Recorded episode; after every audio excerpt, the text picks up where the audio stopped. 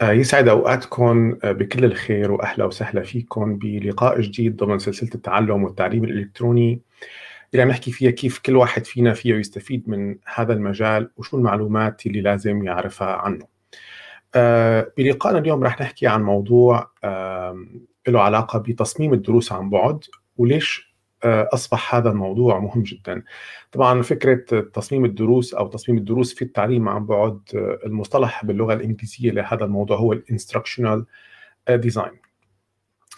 آه، ليش اليوم صار فكرة تصميم الدروس للتعليم الإلكتروني أصبحت مهمة هذه الأيام؟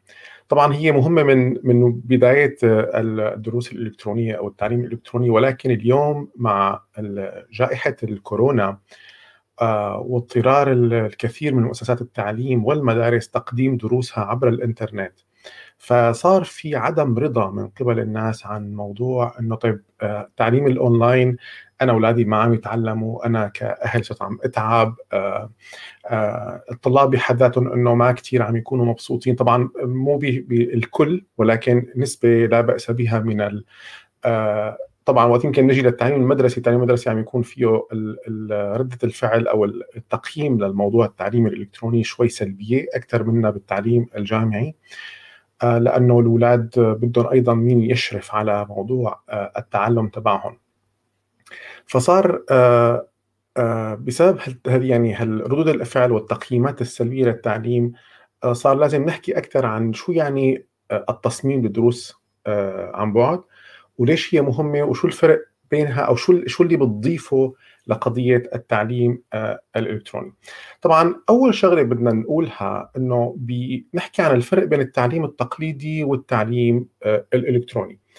التعليم التقليدي آه، طبعا الأستاذ بيكون فيه هو محور العملية التعليمية بيكون في عنده أدواته يلي هي اللوح الأقلام أو الطباشير الطالب قاعد أيضا ببيئة تعلمية معروفة شو هي إنه فيها مقاعد بقاعات مع زملائه آه، بفترة الاستراحة بيكون معهم في مكان ما إن كان بالمدرسة في في الباحة أو بالجامعة في في حرم الجامعة.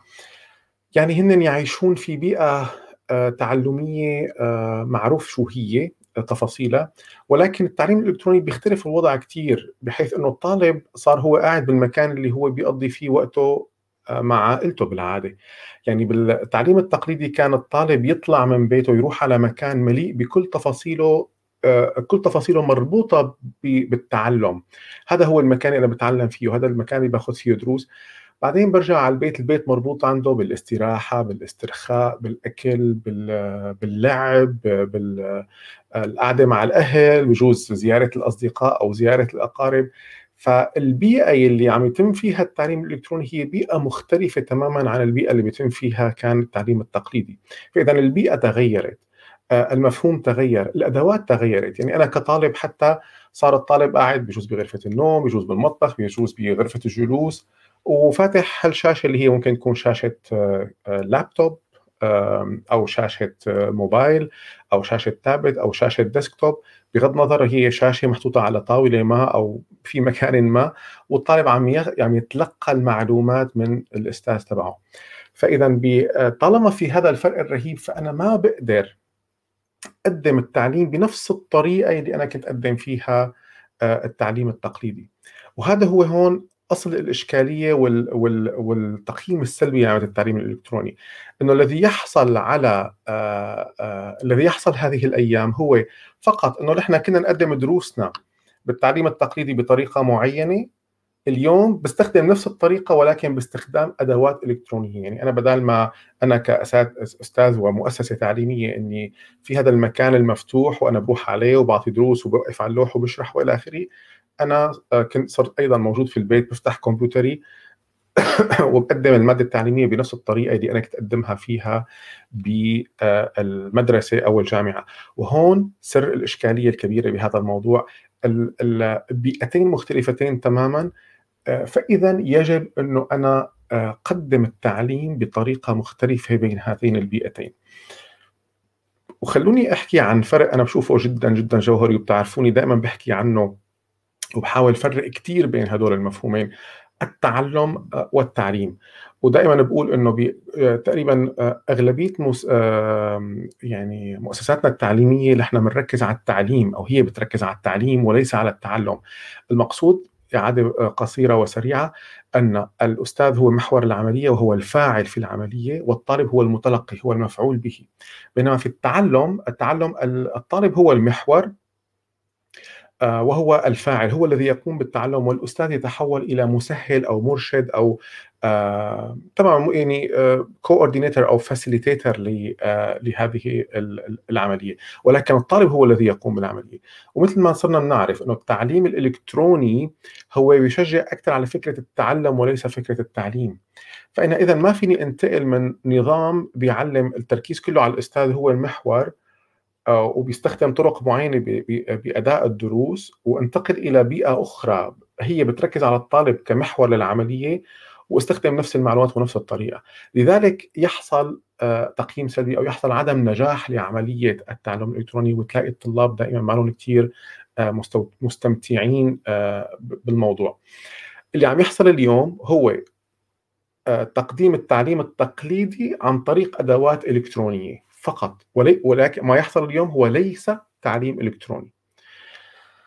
وهون الفكرة أهمية التصميم التعليم آه، أو تصميم الدروس من أجل التعليم آه، عن بعد. والفكرة هي كالتالي نحن بنعرف آه، أكيد اللي يعني أساتذة بيعرفوا أنه في شيء بنشتغل عليه دائما اسمه ال lesson plan يعني أنا وقت بروح بدي أعطي درس فبكون أنا محضر ال lesson plan تبعي اللي هي شو بدي أنا أعمل؟ آه، شو آه، شو لازم أسوي بالدرس؟ شو متوقع من الطلاب؟ شو هلأ التمرين اللي بدي أعمله؟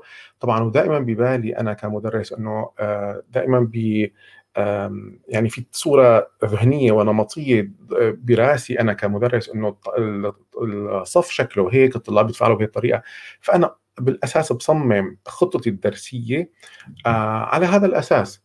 فإنه أنا بدي هلأ أكتب على اللوح هيك هلأ ممكن سمعهم فيديو آه، سمعهم شيء صوتي ممكن أرجيهم فيديو ممكن أعملهم مجموعات يشتغلوا مع بعضهم. فاذا أنا بكون عم خطط كل العملية بحيث إنه الدرس يكون فيه تفاعل وحركة. هي العناصر كانت تم فقدها بالتعليم الإلكتروني. فلذلك يجب أن يتم تصميم الدروس لتقدم عن طريق الأدوات الإلكترونية وتكون فعلا تعلم إلكتروني. وهون هذا طبعا اليوم ما رح نحكي عن آه، شلون بنصمم الدروس لأنه هذا موضوع آه، صراحة ما بيتسع له لقاءات قصيرة من هذا النوع. هي بنعمل نحن فيها كورسات متخصصة وكورسات تاخذ شوية وقت. آه، بس أنا اللي عم أقوله اليوم إنه فكرة لازم أنا أعرف كمدرس إنه في طرق كثير إني أنا اصمم فيها الدروس تبعي اللي أنا أقدمها اونلاين بحيث هي تكون مصممة for تقديم عبر الإنترنت. وليس فقط هي تعليم تقليدي وتستخدم الإنترنت لتوصيل الفكرة. آه، فمثلا هون بيدخل أساليب آه، شو هي أساليب التفاعل مع الطالب؟ لأنه الطالب مثل ما ذكرنا قاعد ببيئة مختلفة تماما عن بيئة الصف التقليدي. هو قاعد بغرفة الجلوس بالمطبخ بغرفة بيته يعني في مكان ما في البيت. فأنا كيف بدي اخلي هذا الطالب يتفاعل معي؟ كيف إذا الدرس ساعة 60 دقيقة أنا بدي اخلي هذا الطالب 60 دقيقة متيقظ ذهنيا معي وعم يحاول يتفاعل معي؟ آه، ففي كثير من الأساليب اللي أنا بتبعها يعني تزويد نسبة تفاعل مع الطالب. آه، في أيضا آه، حكينا عنها مرة وممكن نحكي عنها بتفصيل أكثر لاحقا فكرة الجيميفيكيشن أو استخدام فلسفة الألعاب آه، في التعليم. يعني جعل التعلم عملية ممتعة كأنه الطالب عم يلعب في وهو عم يتعلم فبيستمتع أكثر وبضله مكمل.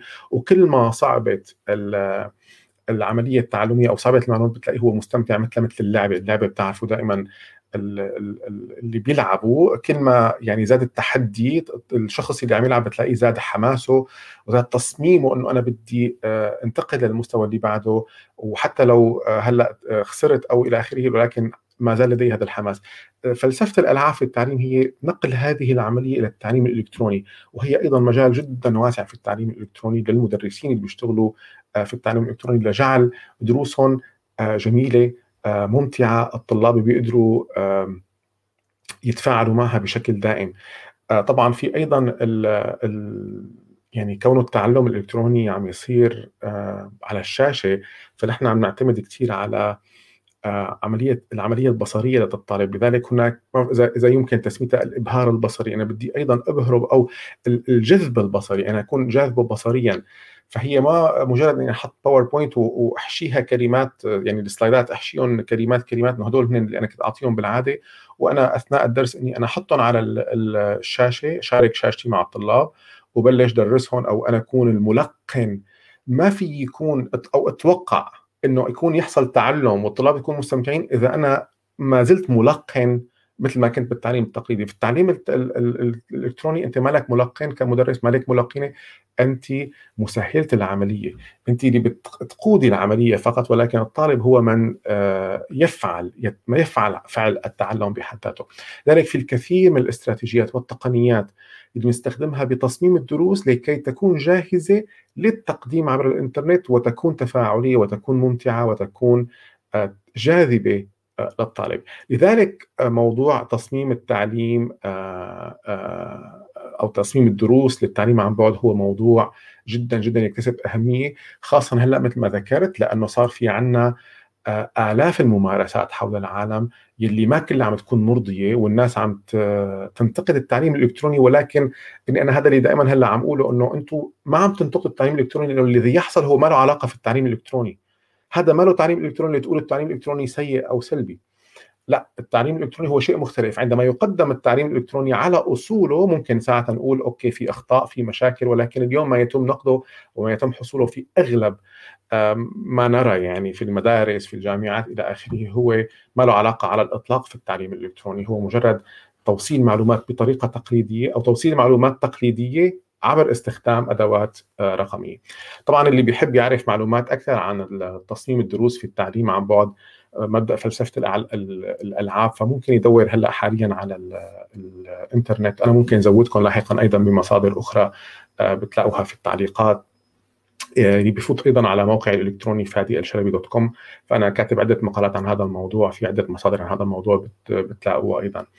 فاذا هذا الموضوع اللي خلى تصميم الدروس يكتسب هذه الأهمية في هذه الفترة وأنا أتمنى على كل من يعمل في آه، مجال التعليم واللي يضطر ينتقل أو يعمل هذا التحول الرقمي لدروسه ينتبه على هذا الموضوع وما يقع بفخ إنه فقط يعمل باوربوينتس ويعمل مشاركة شاشة ويصير الموضوع بس بهي الطريقة.